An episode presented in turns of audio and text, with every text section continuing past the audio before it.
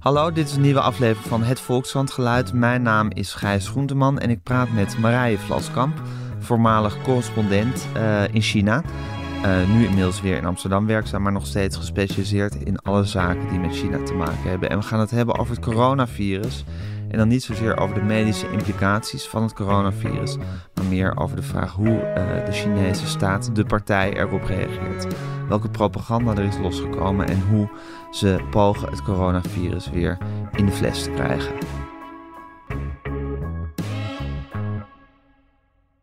Was je eigenlijk ook in China toen het SARS-virus uh, uitbrak? Ja, die heb ik van het begin tot het eind, uh, van het eerste ziektegeval totdat het helemaal schoon was, uh, meegekregen, die SARS-epidemie. En hoe China reageert op het coronavirus, lijkt dat op hoe ze op het SARS-virus reageren? Nou, ik kreeg wel last van herbeleving inderdaad. Ja? SARS was in 2003, hè, geloof dat was 2002, 2003 ja. inderdaad, met nou, wereldwijd zo'n 800 doden.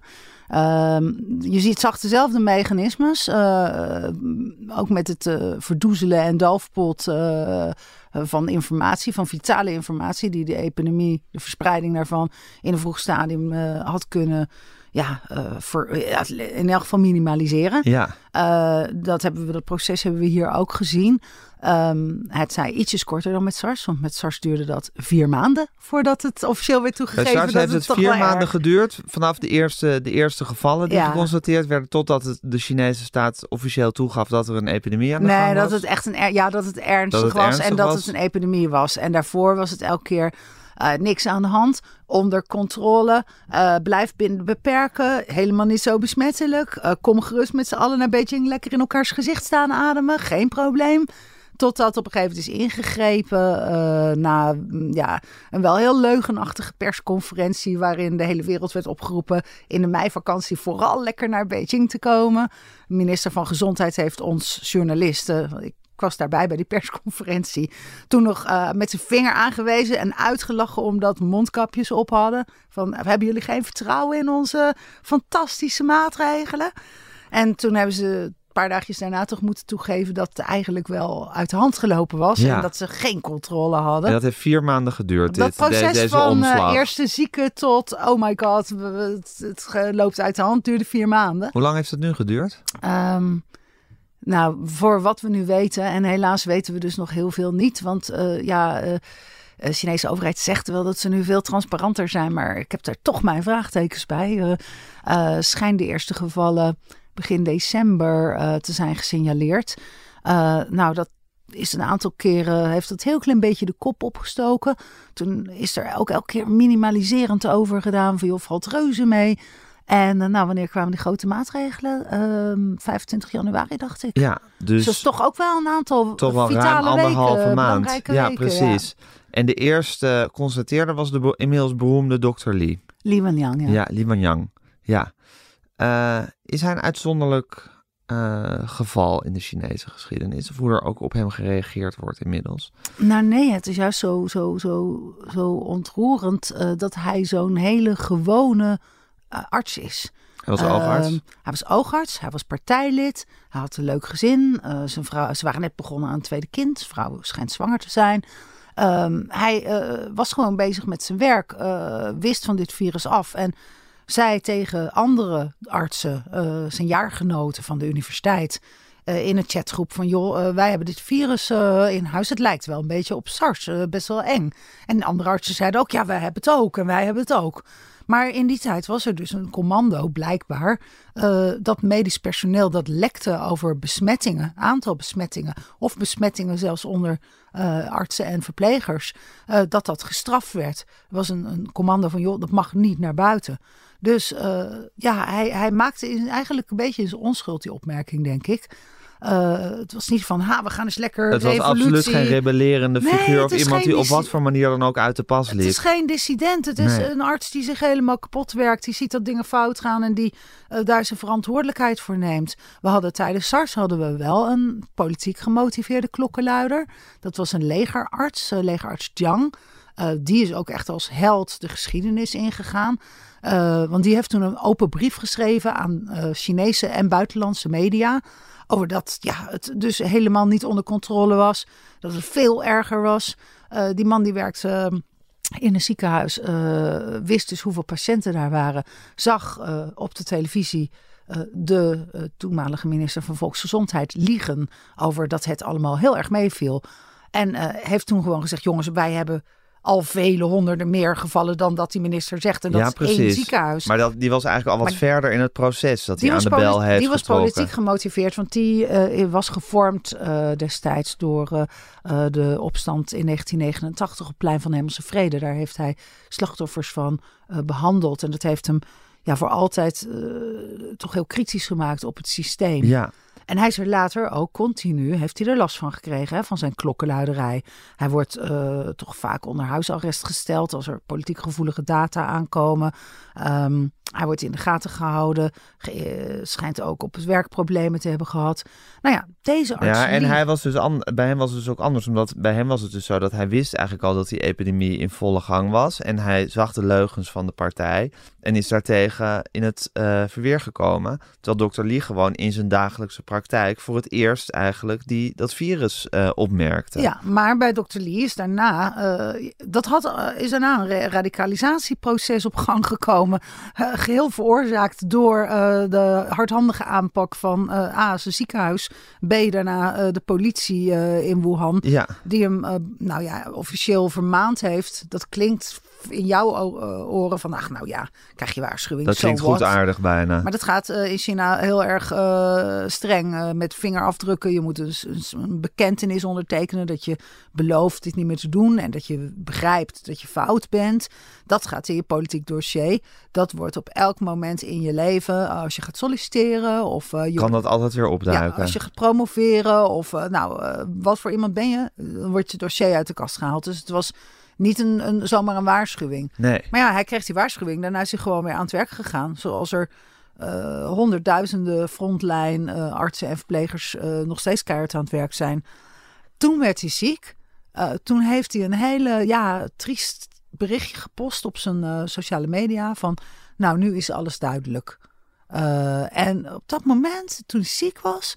Toen is hij gaan eh, sms'en en eh, ja, eh, berichtjes sturen op verzoek van interviewers van Chinese media en van de New York Times en BBC. En is hij dus echt vanaf zijn ziekbed is hij interviews gaan geven, waarin hij dus ook ronduit zegt, meer vrijheid van meningsuiting is nodig. Heel mooie, ja, eigenlijk zijn, zijn laatste boodschap op zijn Dat is eigenlijk zijn sterfbed. testament geweest. Ja, en dat was... eh, hij wist dat hij dood ging waarschijnlijk. nou, dat weet ik niet. eh, hij wist wel dat zijn conditie verergerde. Ja. En toen heeft hij nog gezegd...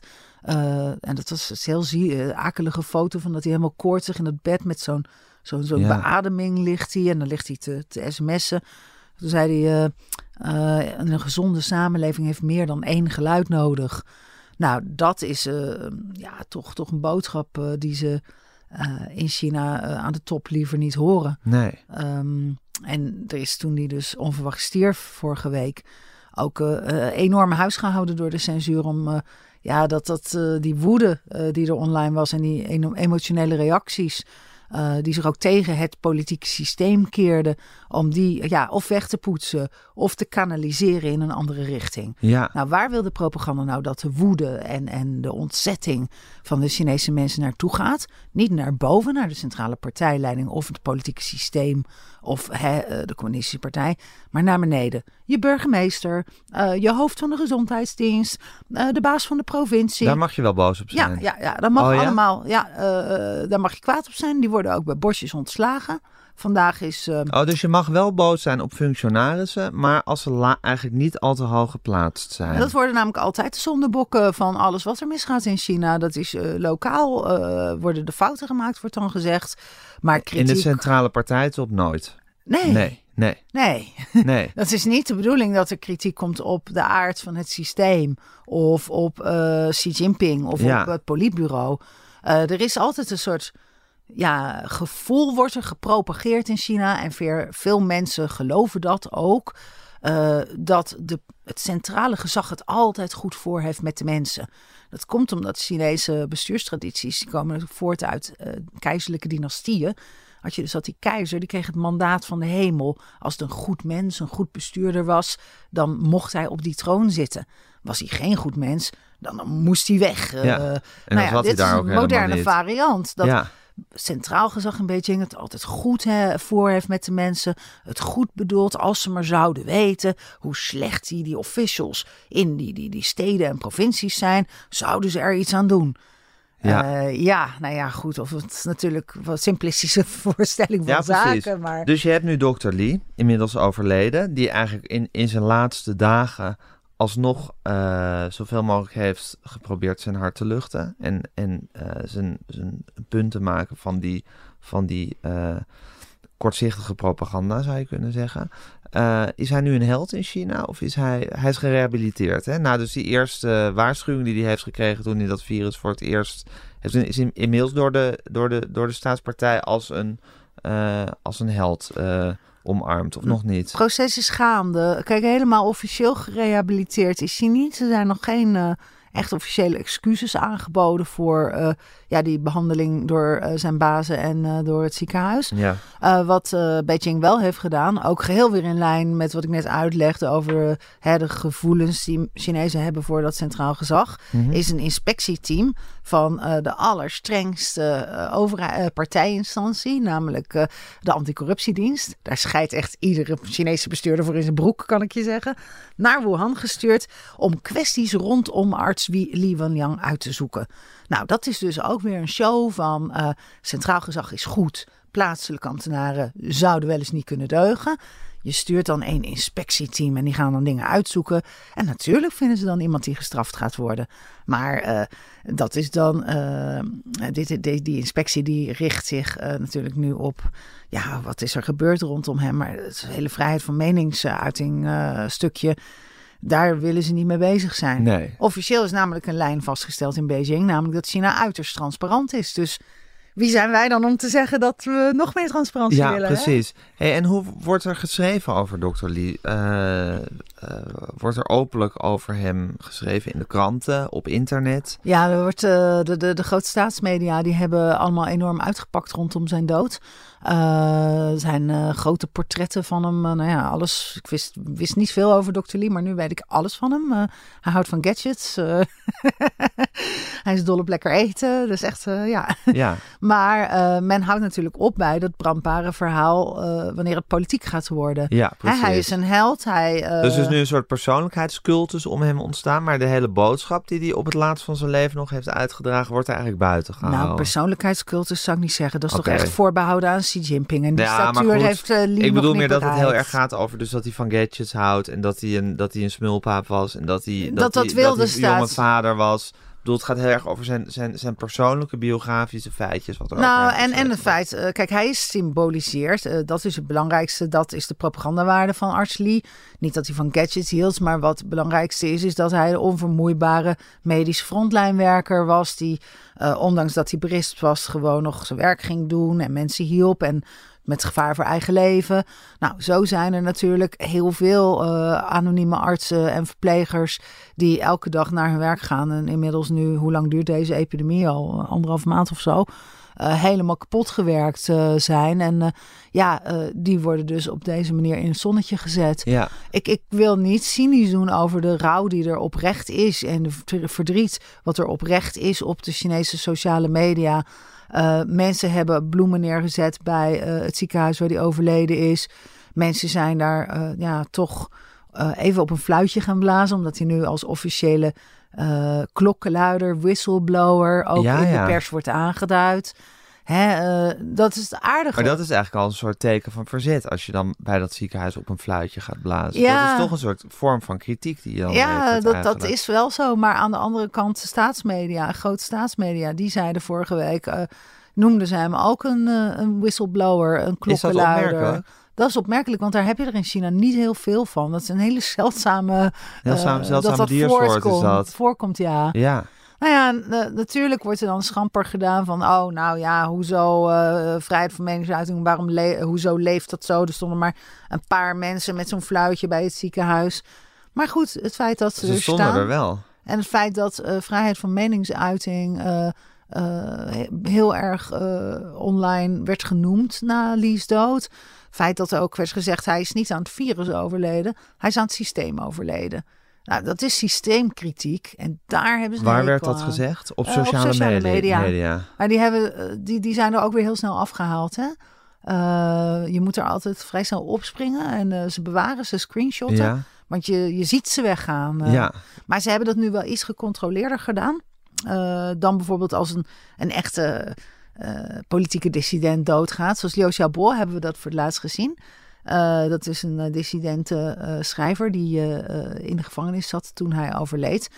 Toen was echt uh, binnen, uh, ik was toen nog in China aan het werk. Binnen twee, drie minuten nadat het uh, bericht van zijn dood bekend raakte, uh, ging eigenlijk alles wat ook maar in de verste verte naar Liu Xiaobo kon verwijzen eraf. Zelfs een emoticon van een brandend kaarsje was uh, no way, werd gecensureerd. Uh, hier zag je dat ze het wat chirurgisch, chirurgischer probeerden te doen. Dus bij Dr. Lee mocht wel het verdriet, de, de angst, uh, ja. de bezorgdheid om al die andere medische uh, frontlijnwerkers. Dat mocht wel, dus die rouw mocht, mocht geuit worden. Uh, er mocht ook woede op uh, de politie in Wuhan, uh, woede op het, nogmaals weer, het bestuur van Wuhan. Ja. Dus het plaatselijke bestuur ja, mocht, mindere goden mocht, mocht weer boos op worden ge, gedaan. Ja. Maar zodra iemand dan ging zeggen, ja, maar wij willen vrijheid van meningsuiting. Ja, en het systeem en het in systeem intrekken, dat, dat ging er allemaal af. En uiteindelijk ja, blijven we dan over uh, na een aantal dagen met uh, ja, toch een, uh, een versie van Dr. Lee als uh, hardwerkend partijlid met het hart op de goede plaats. Ja. die deed wat hij moest doen Ja. en helaas gestorven is. Het klinkt eigenlijk als best wel geraffineerde censuur die er dan wordt toegepast. Ik denk, de Chinese censuur zich de afgelopen, nou ik kan alleen maar spreken over de afgelopen twintig jaar. Zich heeft ontwikkeld van een, uh, een botslagersmes tot een uh, chirurgisch, fileermachine. Ja, waar alles heel nauwkeurig wordt weggesneden, wat er niet welgevallig is. er kwam een paar dagen na de dokter, dood van Dr. Lee een, een verslag uit van China Digital, Digital Times, die altijd heel goed is in het monitoren van censuurbewegingen.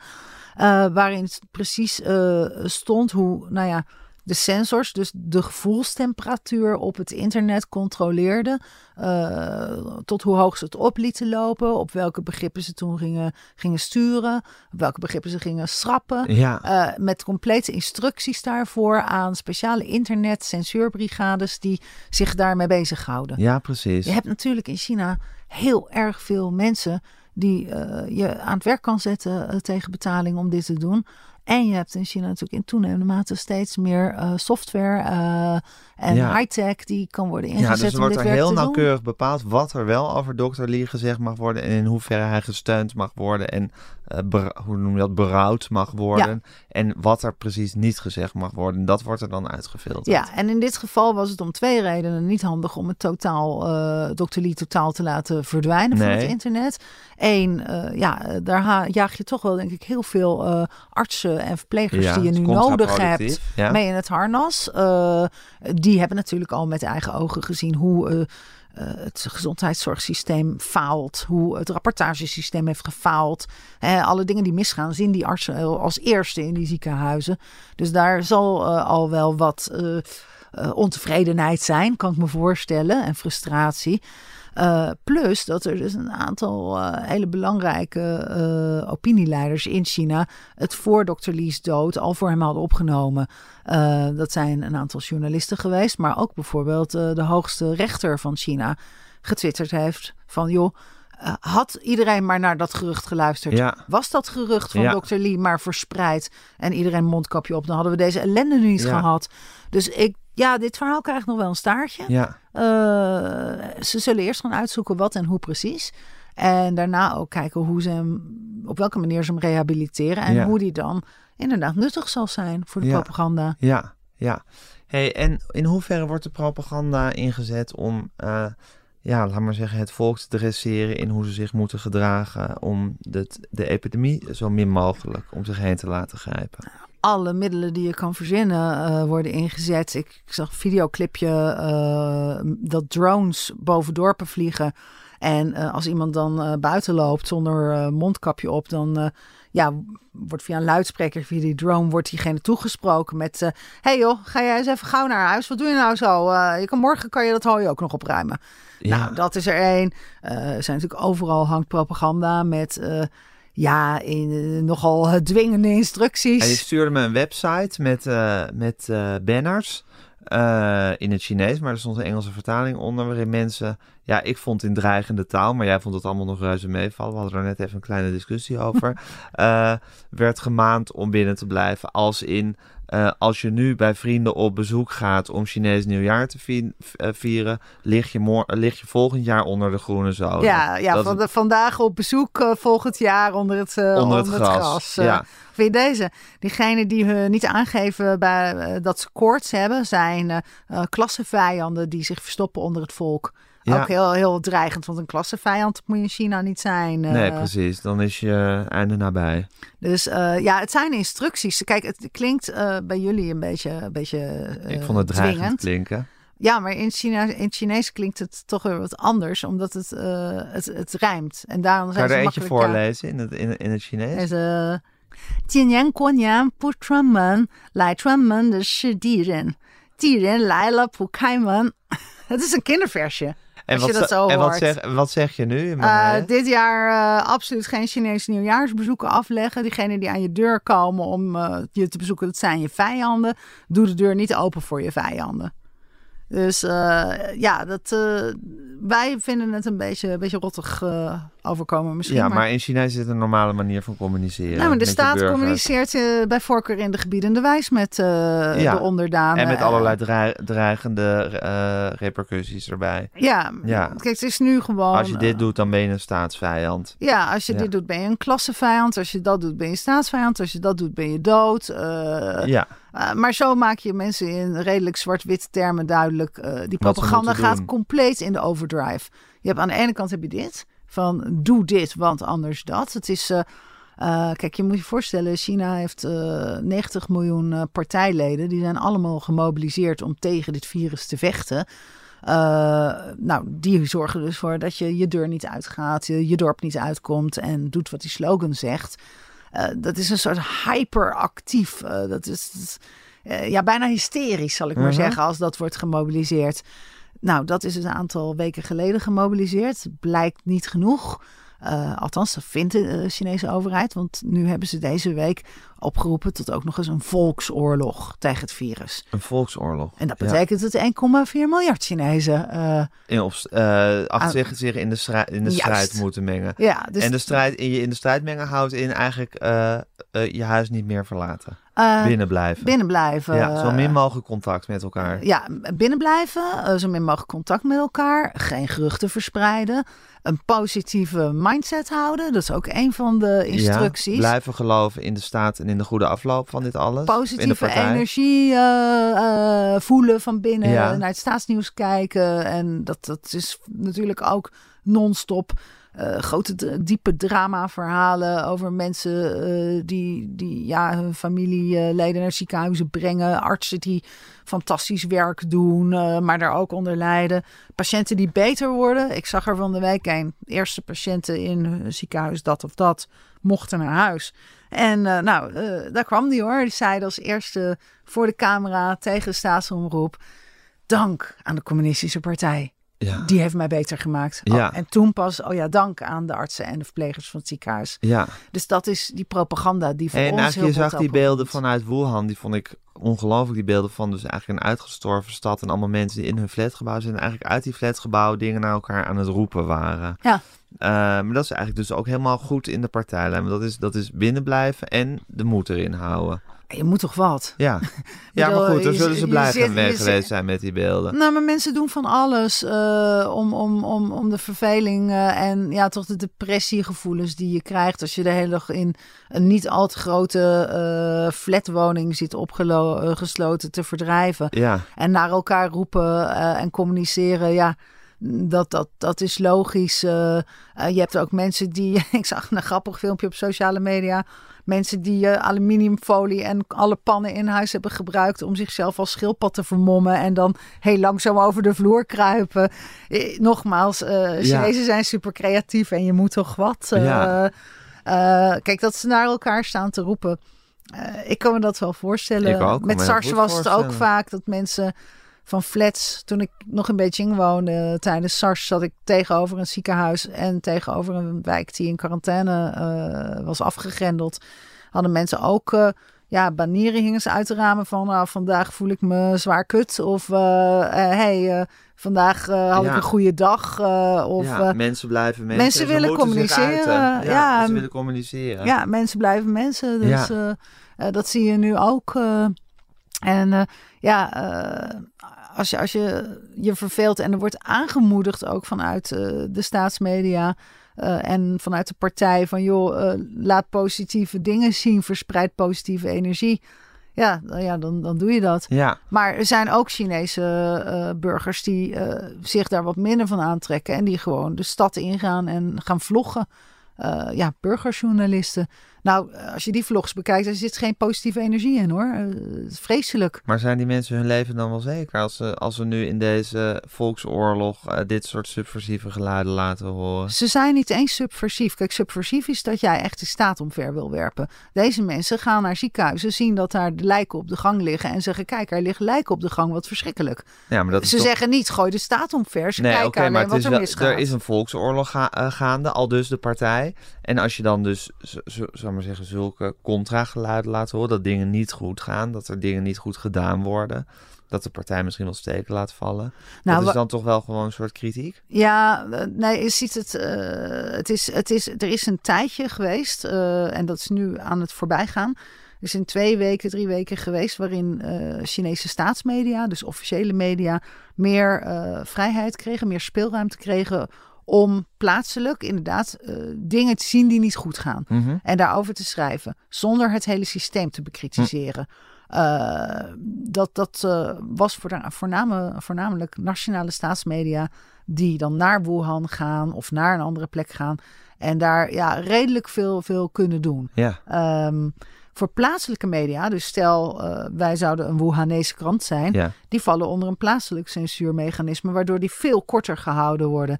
Uh, dus er is ook een groot verschil in wat deze media ja, maar kunnen. Je hebt het nu over burgerjournalisten, mensen die gewoon vloggend naar buiten gaan. Ja, nou ja, wat ik, waar ik naartoe wil is dat al deze journalisten van officiële media hebben een perskaart en uh, zijn dus controleerbaar via die perskaart. Dan, die doen hun werk dat dat mag, dat is toegestaan. Maar burgers die mee, uh, zelfmedia worden dat genoemd. Dus zelf leuk filmpjes maken van van alles en nog wat. Dat is heel populair. Uh, dus vloggen, zullen we het maar noemen. Ja. Uh, die mogen dat niet. Het is, uh, je mag geen journalistiek bedrijven zonder die officiële nee, journalistenkaart. Verboden. verboden. Dus die jongens, dat zijn er twee die ik volg. Uh, die hebben een week lang in Wuhan echt redelijk baanbrekend werk gedaan. Die hebben ze overal gevlogd, ziekenhuizen, op straat. Van, ook heel persoonlijk. Het zijn Ja. geen, geen professionele journalisten. Het zijn gewoon mensen die op onderzoek Ja. uitgaan en vragen stellen. Nou ja, dus hele basic journalistiek eigenlijk. En eh, ja, die zijn eh, allemaal verdwenen nu. Ja, ik weet niet of het toeval is, eh, maar tegelijkertijd zie je dus een... Filmpjes maken ze niet meer in elk Nee, geval. nee, ze zijn en of ze in de gevangenis zitten en of ze nog leven, dat weet je eigenlijk Nou, een van de twee die heeft, eh, had al een klein beetje rekening gehouden met dat hij gedwongen in quarantaine genomen zou worden. Want hij had nogal veel in ziekenhuizen gefilmd. niet. Ja, En eh, die had ook al instructies achtergelaten van als ik langer dan 12 uur niks op Twitter laat horen, eh, dan moet je eh, mijn filmpjes veilig stellen en het paswoord voor mijn account en dit en dat en dat allemaal veranderen, want anders worden ze afgehaald. Nou, waar die andere is gebleven, dat, dat weet ik niet. Eh, maar dus ze dat zijn, jongens weg. die gewoon eigenlijk nou, ja, hun leven op het spel zetten.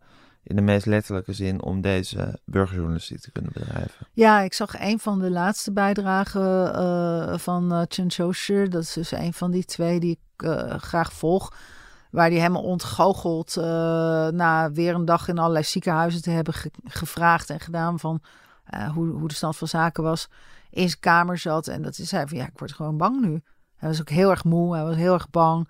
Ehm, ja, dat geeft ook wel, ja, je komt daardoor heel dicht bij eh, de angst van gewone Chinezen. Ja, het gevaar wat daar Ja. gewoon op de loer ligt. Maar die hebben dus eh, eh, een week lang best wel dingen kunnen doen. Eh, maar dus wel, ja, nu is dat afgelopen. Een week eh, heeft dat geduurd. Ja, zo'n week of twee, Ja. drie. eh, ik heb het niet, niet precies bijgehouden. Maar eh, je ziet dus dat ehm, eigenlijk was het de bedoeling dat eh, vorige weekend er een soort kantelpunt bereikt zou worden. Ehm, dat zeiden ook uh, wetenschappers. Dat het virus op de terugweg zou gaan. Ja, dat is zou pieken en dat het langzaam vanuit het plateau uh, naar beneden zou gaan. Dan zou, iedereen weer aan het werk gaan en dat het uh, onder controle zou komen. En um, ja, de staatsmedia zijn eigenlijk wel voorgeprogrammeerd op dat dat moment zou komen. probleem is, het moment kwam niet. Want dat virus is nou eigenlijk het enige wat zich niet aantrekt van de Chinese communistische planning. Uh, dat gaat nog steeds vrij stevig door. Uh, en dan merk je dus dat die staatsmedia uh, ja, voluit gaan van ja, maar moet positieve sfeer worden gecreëerd. dus nou, dat doen we dan toch maar wel, ondanks dat het toch nog niet onder controle is. Het is een fascinerend proces hoe je ziet hoe snel ze dan bijsturen. Als ze zien, hé, hey, die situatie is nog niet helemaal. Ja. Dus eigenlijk hebben ze op een gegeven moment de slag gemaakt dat ze het zijn gaan erkennen dat er iets aan de hand is. Uh, en nu, er werd voorspeld dat het virus zich nu zou stabiliseren en op de terugweg zou gaan. Dus dat is de lijn die ze nu moeten volgen. Alleen de realiteit kan wel eens heel anders zijn. En is de vraag, hoe gaan ze daar, hoe gaan ze, ja, eigenlijk dat, dat dan verslaan? Wat gaan ze erover zeggen? Nou, ik was, was uh, verbaasd uh, en uh, ook wel een beetje, ja, ook wel een beetje weer niet. Dat op maandag Xi Jinping zelf zich voor het eerst in het openbaar ging vertonen met een masker op en hm. even een volksbuurt in en even bij de ik dacht de Beijing's epidemiebestrijding, het, het zenuwcentrum daarvoor langs ging. ik had eigenlijk, hij heeft het steeds het publieke optreden overgelaten aan de premier, aan Li Keqiang.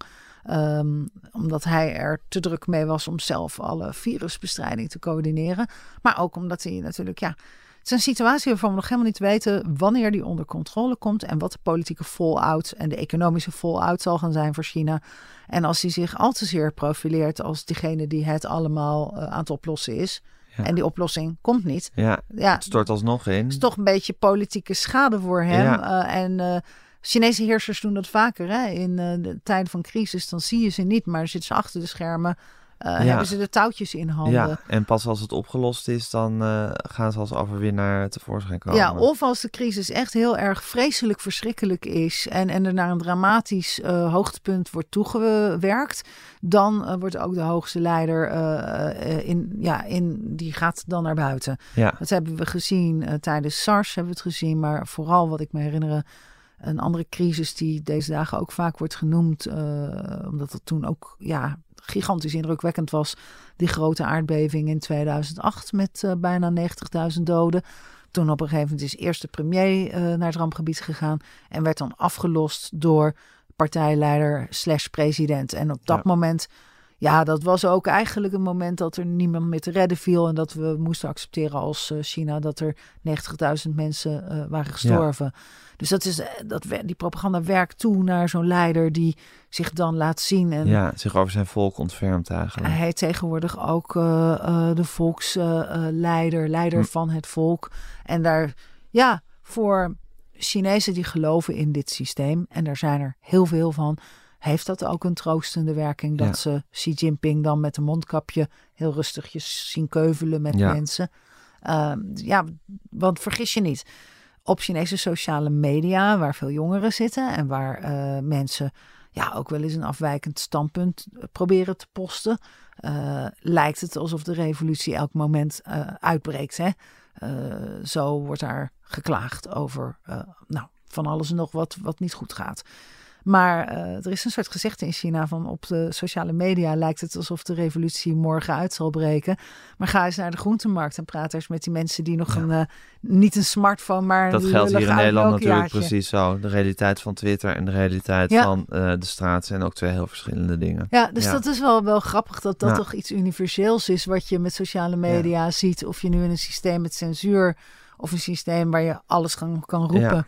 Nou ja, het is sowieso fascinerend. Het is fascinerend hoe de partij zich gedraagt in deze. Uh, even helemaal tot slot. Uh, vind je het jammer dat je nu niet in China bent? Of? Ik voel wel uh, veel voor de gewone mensen daar, daar. Daar word ik af en toe wel triest van. Ja. Um, ik weet hoe het gaat in Chinese ziekenhuizen. mijn Chinese schoonmoeder is overleden aan alvleesklierkanker. En ik heb er toen ja, maandenlang uh, verzorgd in het ziekenhuis. Dus ik ken de situaties in Chinese ziekenhuizen. En als ik nu zie dat er eigenlijk sinds die SARS-epidemie die Chinese gezondheidszorg nog zo ja, onderbemand, tekort aan allerlei spullen, mensen liggen in gangen. dat doet me echt pijn, omdat Chinezen, Chinezen verdienen iets beters. Het land heeft uh, boekt jaar in jaar uit fenomenale economische groei. Uh, ze zijn op technologisch gebied waanzinnig vooruit gegaan. waarom kunnen we niet gewoon zorgen dat er genoeg ziekenzorg is voor gewone mensen die ja, toch dus al je voelt, je voelt gewoon mee met het drama wat zich daar aan het aftekenen ja, is en de omstandigheden waaronder dat gebeurt. Ik heb heel veel vrienden daar, veel collega's daar, praat ik veel mee.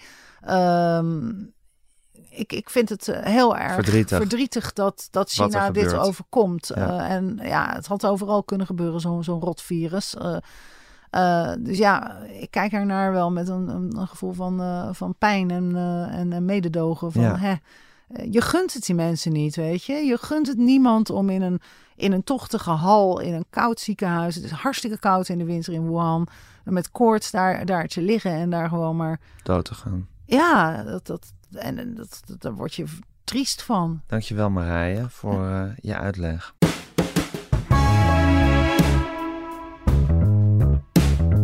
Dit was het Volkshandgeluid. Mijn naam is Gijs Groenteman. Ik maakte deze podcast met Daan Hofstee. Het gast was Marije Vlaskamp, voormalig correspondent te China.